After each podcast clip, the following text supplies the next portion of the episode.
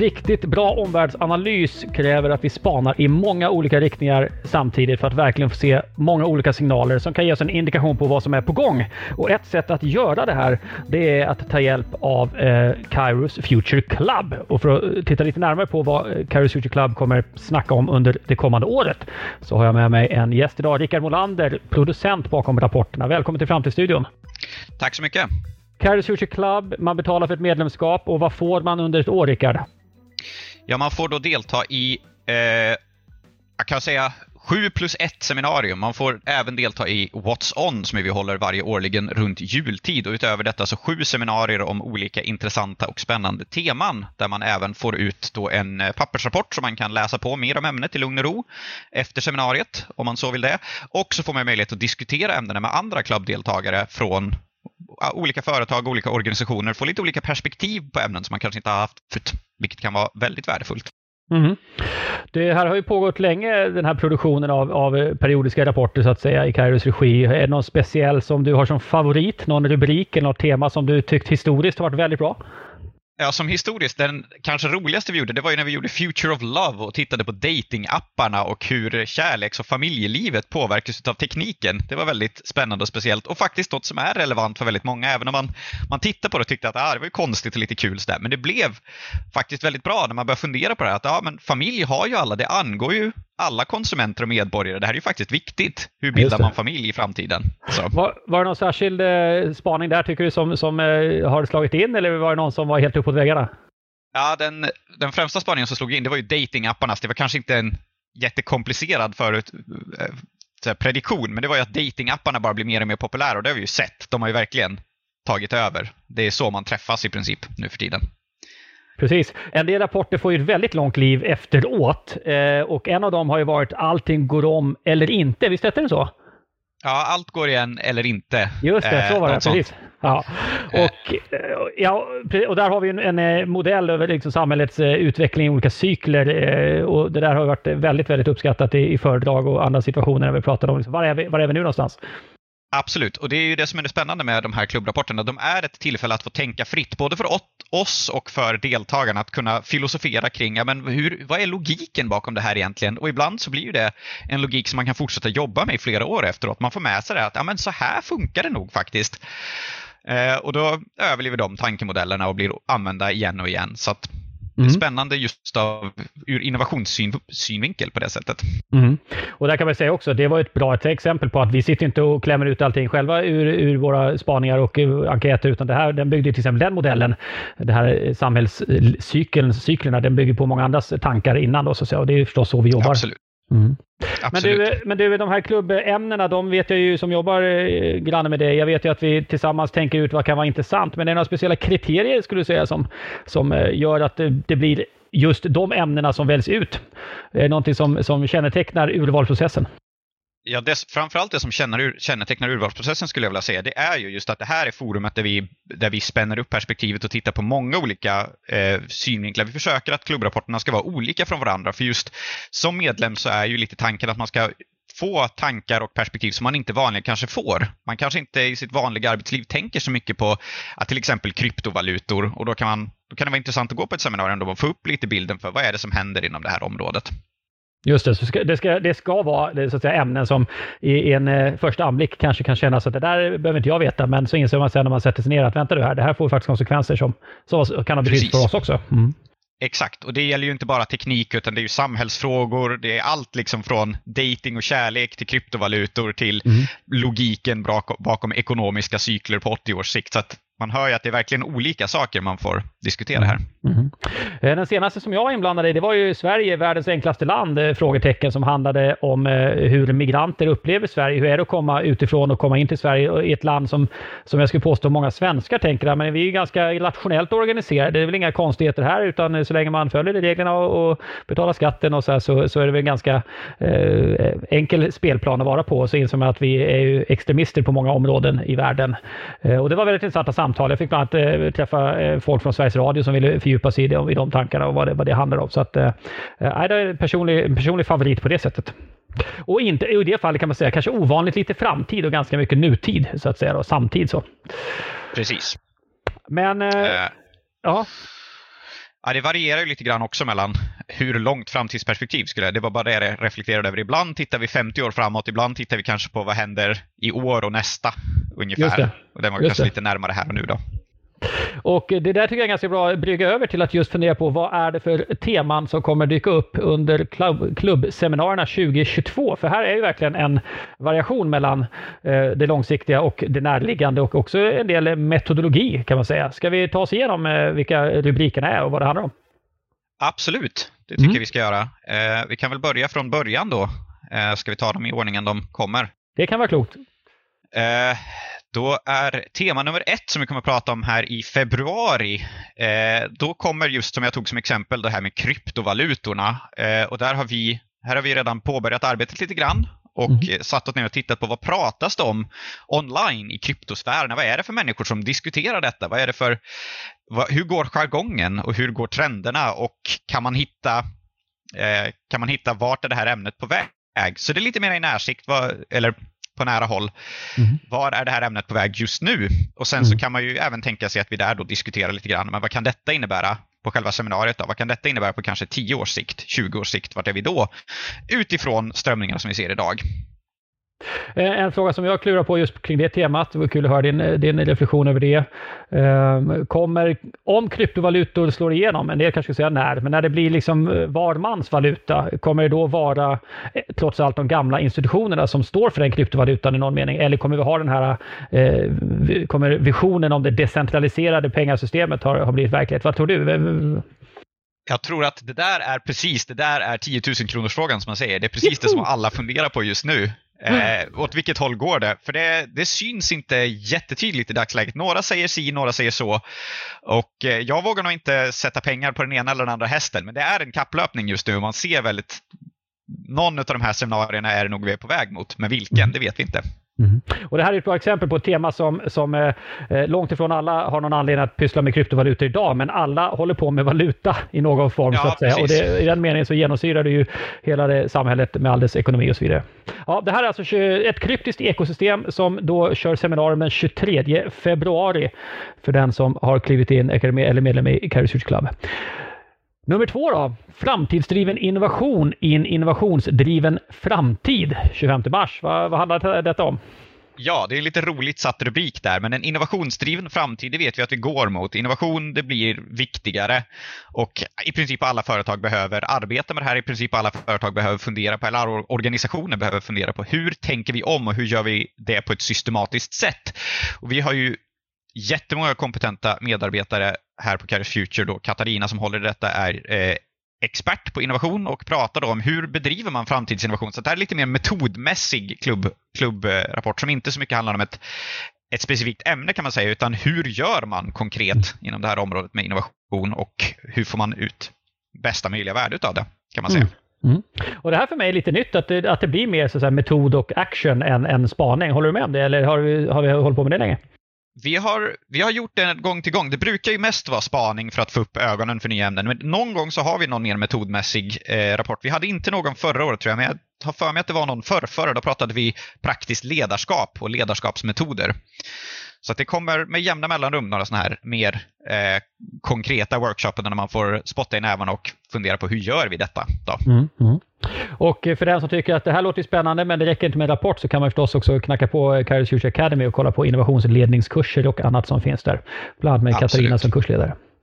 I april, när våren förhoppningsvis visar sitt eh, varma sköna ansikte, då ger vi på ett mer eh, digitalt tema. Vad handlar det om, Rickard? Berätta. Ja, då går vi på metadigitaliseringen. Nu, ska, nu räcker det inte med att bara digitalisera, nu måste man också börja metadigitalisera. Åtminstone säger Facebook det och de tror ju så pass mycket starkt på det som att de har bytt namn till Meta.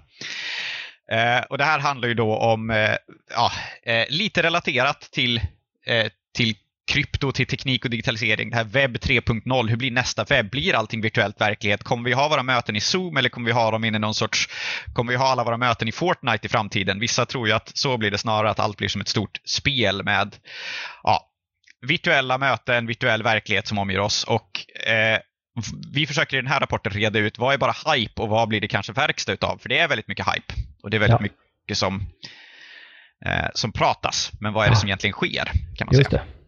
Alltså när, när det gode Zuckerberg berättade om sitt namn, eller deras namnbyte där så snart, snart dök Island upp med en underbar liten komisk variant. Har du sett det här YouTube-klippet med Icelandverse? Det är ju helt fantastiskt. Nej, det är en kille som... inte, men det... ja, det är riktigt bra. Det är en kille som faktiskt är klippt och klädd som Zuckerberg och som bjuder in till Icelandverse som faktiskt finns fysiskt. Man kan bada i vattnet och man kan känna på väggarna och så här. Det är riktigt, riktigt ah. bra, bra så, att göra saker virala till en ringa kostnad.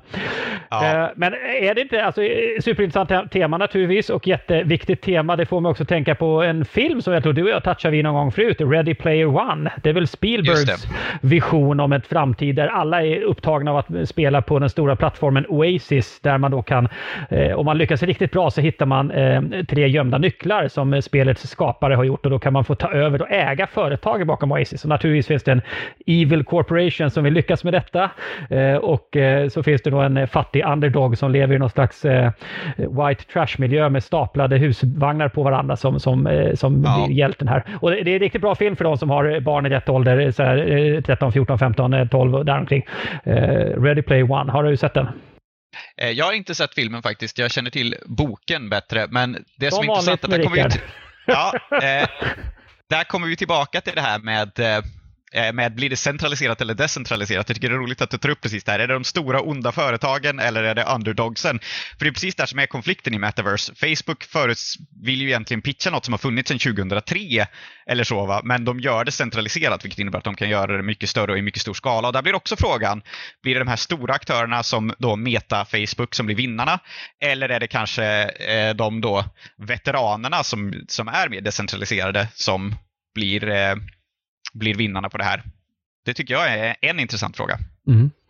Eh, precis, och i den här filmen kan jag säga då naturligtvis finns det ju också en, en liten underton av att alltså man, man eh, appellerar till föräldrarna till också att, eh, eh, utan att sabba för mycket om slutet, men, men den här fria tillgången och konstanta spelandet blir inte riktigt möjligt i, i långa loppet, utan man ser till att ge folk tid till att sitta och mysa i en fåtölj som, som huvudpersonerna så småningom gör.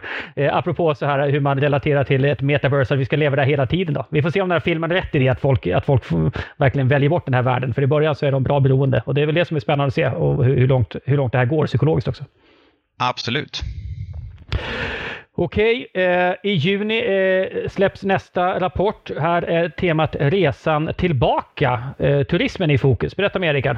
Ja, precis. Då ger vi oss ut ur den digitala världen. Då gör vi precis som du säger. Vi kliver ut ur vårt metaverse och är tillbaka in i resandet som har varit lite begränsat under de senaste två åren. Och då är frågan, vad kan man säga händer när den här branschen återföds? Eh, vad, vi, har, vi på Kairos håller redan på att prata väldigt mycket om att den här branschen har varit inne i en kristid nu och har behövt återuppfinna sig själva.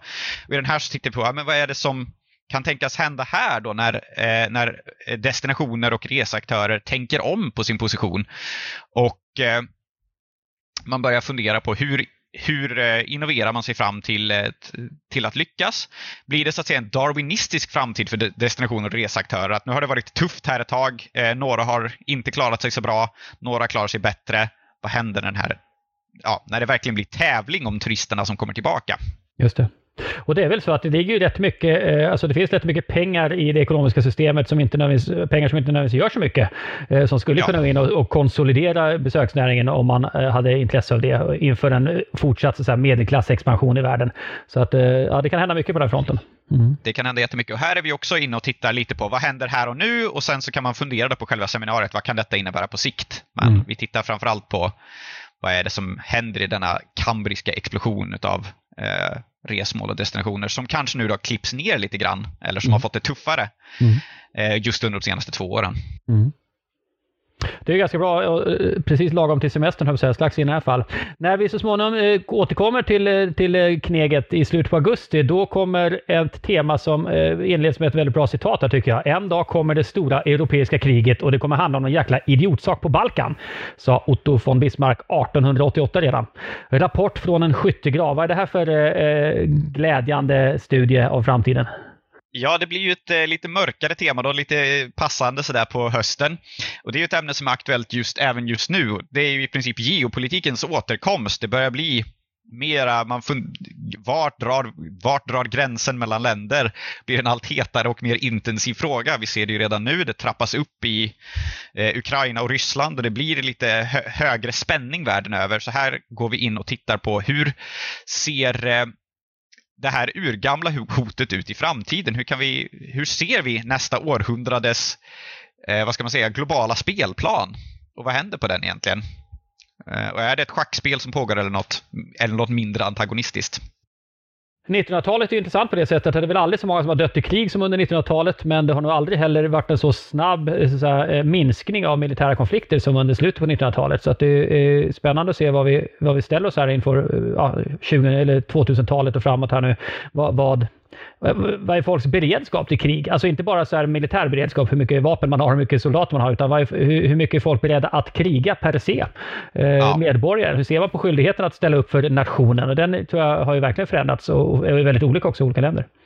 Absolut, och dessutom så ser den lite annorlunda ut. Nu kan det bli fråga om, är det, är det krigsberedskap att vara beredd att ha det kallt på vintern? Det kan det vara om, om kriget handlar om gasleveranser från Ryssland till exempel. Då kan det ju vara så att beredskapen handlar om att vi går med på högre energipriser som del av den här ekonomiska konflikten till mm. exempel. Mm. Och sådana frågor kommer nog bli högst aktuella på sikt.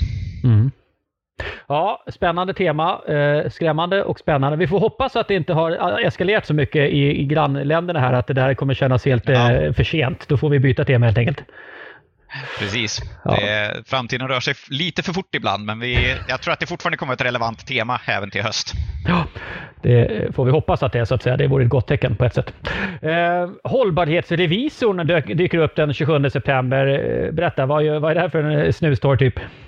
Ja, men det här handlar ju om det praktiska hållbarhetsarbetet. Det pratar väldigt mycket om hållbarhet i värderingar. Eh, och väldigt mycket ledare och inspiratörer pratar hållbarhet idag, men till slut ska det där komma ner till revisorerna. Till slut så måste någon sitta och räkna på eh, det utsläppta koldioxiden. Och hur kommer detta se ut? Vad ser vi för institutioner som formas i framtiden för att hålla reda på detta? Idag så har vi ju robusta skattesystem och frågan är, kommer de här robusta skattesystemen även behöva ett, en hord av revisorer då som sitter och räknar på hur mycket koldioxid får du släppa ut? Hur mycket koldioxid har du kvar att släppa ut? Eh, och så vidare både för organisationer, för privatpersoner, för länder. Hur ska vi göra för att hålla reda på detta helt enkelt? Mm. För det måste ju göras. Ja, det måste ju verkligen göras tänker jag. Och så vitt jag förstått det är ju eh, hundratals, om inte tusentals ekonomer som har signerat den här uppmaningen om att vi måste liksom skatte, eh, beskatta koldioxidutsläppen på ett tydligare sätt och jobba med det mer som en principiell viktig del i omställningen. Så det är ett av de säkraste sättet att, att, minska utsläppen. Och då blir det här naturligtvis en jätteviktig del att få en, en standard och en, en praxis som gör att eh, folk känner sig lika behandlade av det här med då gröna hållbarhetsbyråkratiska systemet systemet. Exakt, och här har vi verkligen något som man bör ha koll på på lång sikt. För det här kan ju påverka vissa organisationers vara eller icke vara om de klarar av att hantera det här, spåra sina utsläpp och sin miljöpåverkan på rätt sätt. För nu handlar det inte bara om värderingen att man ska vara snäll mot miljön, utan nu handlar det faktiskt om att man, måste, man ska spela enligt reglerna. Och då gäller det att ha koll på vad reglerna är, helst innan de skrivs. Ja, och då tänker jag också vidare på det som vi, som vi pratar om ibland, att, att finanssektorn, i, inte i alla delar, men i många delar rör sig från det bruna mot det gröna.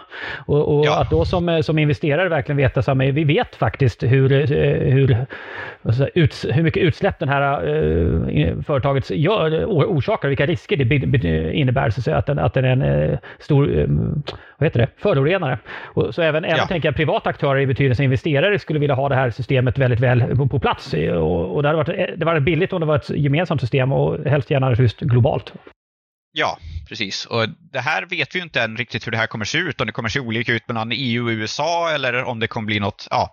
Så att det är viktiga frågor helt enkelt. Man behöver ha koll på det här. Det här måste man ha koll på. Mm. Eh, och därför skulle jag säga att det här är kanske är det viktigaste seminariet på hela året, där om mm. hållbarhetsrevisorn. Även om det som du säger, det låter lite torrt till att börja med. Vi får skylla på rubriksättaren, men det är helt okej. Okay. Det ska vara lite torrt ibland också. Det kan inte alltid vara Future of Love. Eh, Nej, det var 27 precis. september. en månad senare så kommer årets eh, sista rapport då, om man inte räknar med What's On-föreläsningen som dyker upp strax innan jul. Och det här är då kunskapande ledarskap. Ja, och detta handlar ju om kompetensförsörjning. Den är flaskhalsen för snart sagt alla företag och organisationer. Så hur gör man för att leda ett företag för att skapa kunskap? Antingen det handlar om att rekrytera rätt personer eller att kompetensutveckla på arbetsplatsen. Hur kan vi bidra till att vara så att säga kunskapare då, om man leker med ordet? Mm. Eh, och kompetens kommer ju inte alltmera inte längre färdigpaketerat utan man måste skapa mer på plats, det vet vi. Så vilken typ av ledarskap krävs det här?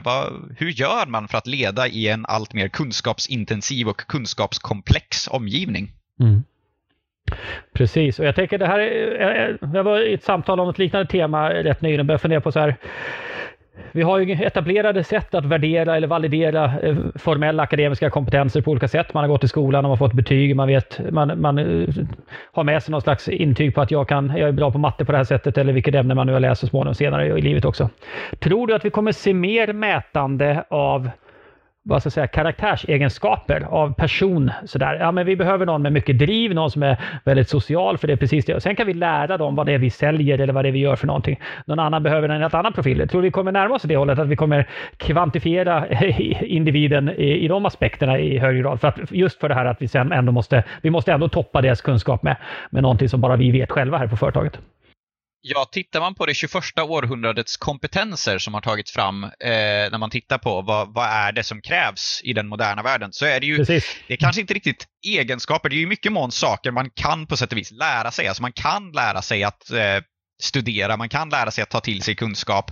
Det är också en färdighet. Men vi skiftar mer mot de här, de här, den här typen av färdigheter som handlar om mer abstrakta saker, kanske mm. inte konkret kan du eh, använda våra, exakt vårt datasystem precis rätt, utan frågan blir hur snabbt kan du lära dig ett nytt datasystem? För vi kommer behöva byta varje år nämligen. Mm. Så det är viktigare än att du kan lära dig det systemet vi använder idag. Mm. Så den typen av färdigheter och, och egenskaper eh, blir nog allt mer avgörande och också allt mer olika från roll till roll. För vissa är det viktigare med driv, för andra kanske är det viktigare att snabbt kunna ta till sig kunskap. Ja, precis. Eh, och så vidare. Precis, en siffra som brukar snurra runt här mellan kollegorna är ju, jag tror det är McKinsey som har gjort någon studie där de pratar om, eh, när det gäller komplexa uppgifter så är ju en högpresterande medarbetare ofta kan ju vara upp till åtta gånger snabbare än genomsnittet så att säga. Medan däremot på enkla uppgifter så är det inte lika stor skillnad mellan någon som man då skulle skatta som högpresterande akademiskt eller vad den nu har för, för historia. Så men, men just det, ju mer komplext det blir desto större utslag kan det bli med den här typen av kompetenser som du är inne på också. Ny, lära sig nytt, eh, tänka vitt och brett, konceptualisera saker som som, saker som eh, går att öva, men som också i viss mån eh, formade ganska tidigt. Absolut, och det som är svårt för företag skulle jag säga är att de här kompetenserna är betydligt svårare att mäta. Du kan mäta hur mm. snabbt någon genomför en viss uppgift i Excel och mm. liksom sätter in rätt siffror på rätt plats. Men det är lite svårare att mäta hur snabbt tar någon till sig ny kunskap generellt eller hur, hur bra driv har en person. Så här blir det ju mera fingertoppskänsla även om det säkert kommer att assisteras av olika systematiska sätt att hitta kompetens också. Ja, precis. Samtidigt så ser vi också en utveckling med psykometri så att säga. Vi blir bättre och bättre på att mäta beteenden genom stora datamängder. Många, låter många människor spela ett spel till exempel där man löser vissa typer av, typer av uppgifter så kan man se eh, vissa typer av, av drag eller, eller, beteenden som blir vanligare beroende på hur man spelar det här spelet och kan på det sättet kartlägga personer i, i högre grad än tidigare. Och den resan ja. har ju bara börjat egentligen. Absolut, och det är en avvägning. Och ja. eh, det blir frågan på klubbseminariet då, var, vilken framtid är vi på väg mot? Återigen, vi, vi levererar inga färdiga framtider här, för det, det, kan man inte göra, utan det handlar ju om att mötas på det här seminariet och, och gå igenom den kunskap som, som Kairos Future har tagit fram, titta på den och försöka fundera på, okej, okay, hur, hur angår det här mig och mitt företag oavsett vilken framtid det blir? Då? Mm. Men temat som sagt var kunskapande ledarskap, superspännande och jag har för ambition här att under våren bjuda på en, eh, ett, eh, framtidsstudieavsnitt här med en gäst som verkligen jobbar med att få organisationer att i princip bli chefslösa. Det som många har pratat om länge, eller den här TEAL Organization som det hette. Eh, och hur kan man göra det i praktiken? Och jag ska återkomma när vi har fått det datumet på plats. Men det är ett oerhört spännande ämne hur vi kan få medarbetare att lära sig mer och, och växa i sina uppgifter och själva ta för sig också på ett sätt som gynnar naturligtvis både företaget men framförallt får arbetsglädje och inspiration ja. också. Spännande och eh, otroligt viktigt ämne också. Det här är ju något som alla behöver ha koll på, skulle mm. jag vilja påstå. Inte bara, jag, jag, skulle till och med gå så långt, inte bara alla ledare, utan alla. Även i sitt eget arbetsliv så behöver man ha koll på hur fungerar det här med kunskap och utvecklande och organisation. Mm. Mm. Du, eh, tack Rickard, det var en genomflygning. Jag tar rubrikerna igen här. I februari ett kryptiskt ekosystem. I mars kommer framtidsdriven innovation i en innovationsdriven framtid. I april är det metadigitaliseringen. I juni blir det resan tillbaka till besöksnäringens eh, nya guldålder kanske, vad vet jag. Rapport från en skyttegrav i augusti. Hållbarhetsrevisorn dyker upp i september och sen i oktober så fokar vi på kunskapande ledarskap. Du, eh, avslutningsvis, eh, kan inte du berätta något roligt som du ägnar åt just nu? Något spännande uppdrag? Är det något på gång? Som du, något ämne som är spännande, som du borrar i? Eh, ja, vi har ju börjat tjuvkika då på första, eller vi har börjat jobba, det är inte ens tjuvkika, vi har börjat jobba på det här eh, kryptiska ekosystemet. Och mm. eh, det vi kanske tittar på nu då, bara som en lite rolig bit, det är det här med NFTs som du pratar om, Non-Fungible Tokens. Och vilka är det som pratar om dem? Och det visar sig vara en helt annat gäng än de som pratar om kryptovalutor. Så det här med eh, att konst, konsthandel med digital konst, det är liksom en helt separat sfär. Det är inte så mycket finansgänget utan det är några andra kufar som är inne på det. Eh, och vi håller på att borra i vad det är för några typer. Ja, det är helt uppenbart. Jag måste själv lyssna på det här seminariet. Ibland slarvar man bort chansen, men det här måste jag ju ta. Du eh, Rickard, stort tack för eh, besöket och att ni har fått en överblick över vad Kairos Future Club kommer att snacka om och skriva om under 2022. Men vi lär eh, ses snart igen här i något sammanhang, så tack för nu och lycka till med alla rapporterna. Tack så mycket. Då var Framtidsstudion slut för den här gången. Vi hörs och ses snart igen och varmt välkomna då. Jag heter Fredrik Thorberger.